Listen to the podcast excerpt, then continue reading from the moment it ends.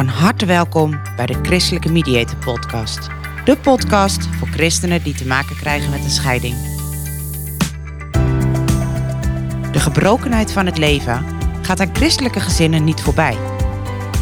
In deze podcast geven we een stem aan alle christenen die in stilte worstelen met een scheiding. Ook besteden we aandacht aan de kinderen, die vaak machteloos aan de zijlijn staan. Een podcast waarin we de rauwe werkelijkheid onder ogen zien, informatie delen en hoop bieden. Eerlijk, oprecht en zonder oordeel.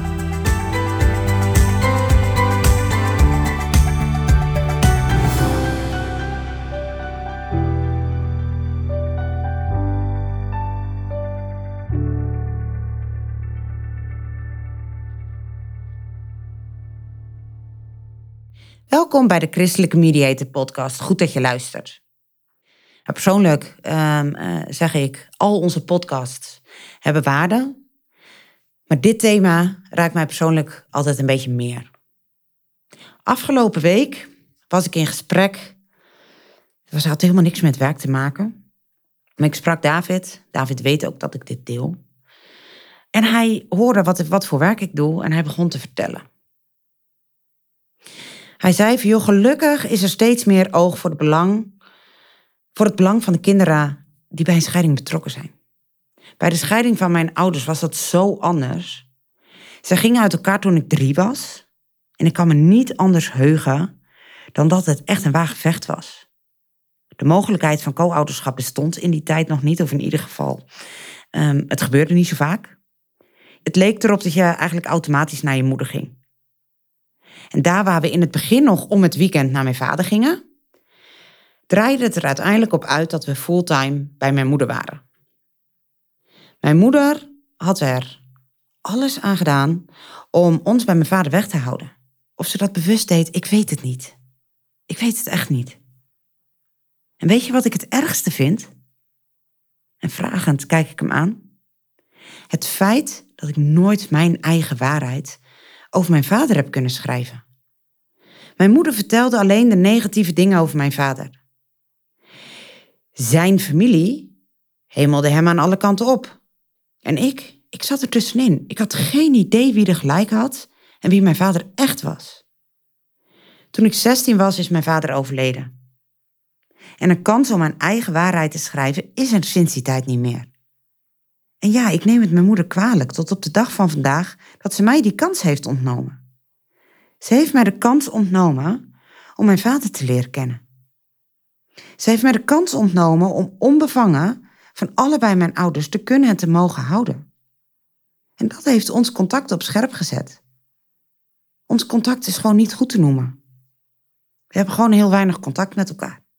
Ik feliciteerde met de verjaardag en zij mij met de mijne en heel soms hebben we tussendoor even contact met oud en nieuw of zo. Na dit gesprek met David blijven zijn woorden hangen. Ik weet hoe het is om gescheiden te zijn. Maar ik heb geen idee hoe het is om kind van gescheiden ouders te zijn. Natuurlijk kan ik er allerlei voorstellingen bij maken. Ik heb een hoop kinderen gesproken van wie hun ouders zijn gescheiden of gaan scheiden. Maar hoe het echt voelt? Ik heb geen idee. Ik probeer me ook te verplaatsen in zijn moeder. Wat een pijn, wat een verdriet, wat een eenzaamheid. Dit verhaal kent geen winnaar. Dit verhaal kent alleen maar verliezers. Zo triest. Hoe is dat voor jou? Handel jij ook wel eens in je eigen belang, bewust of onbewust? En is dat ook wat je wilt? Is dat wat je voor ogen hebt? Lukt het je om erbij stil te staan wat de impact is op jullie kinderen? Natuurlijk brengt scheiden met zich mee dat kinderen basjes oplopen. Maar weet, dat hoeven geen breuken of scherven te zijn. Wees je ervan bewust dat jij dit voor een groot deel zelf in de hand hebt.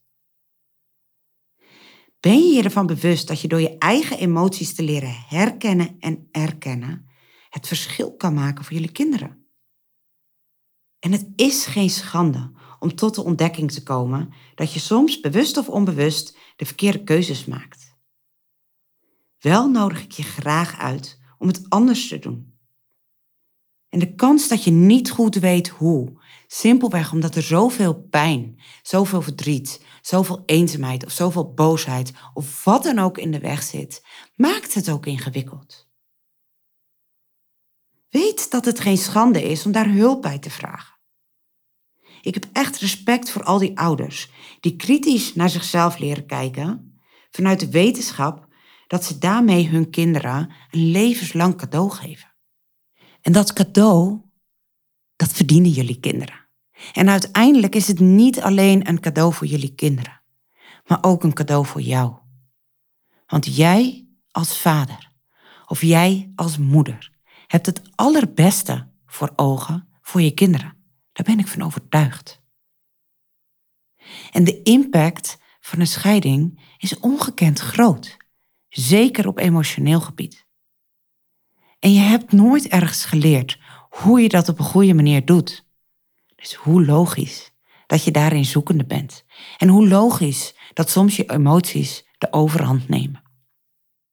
En ik hoop dat je deze podcast kan zien als een wake-up call. Van hé, hey, dit wil ik anders doen. En ben jij nou diegene die dit echt anders wil doen? Trek dan aan de bel. Ook de individuele coaching sessies kunnen ook in het teken staan hiervan. En op die manier kunnen we jou in drie tot vijf gesprekken helpen om het anders te doen. En daarmee het verschil te maken voor jullie kinderen en voor jezelf.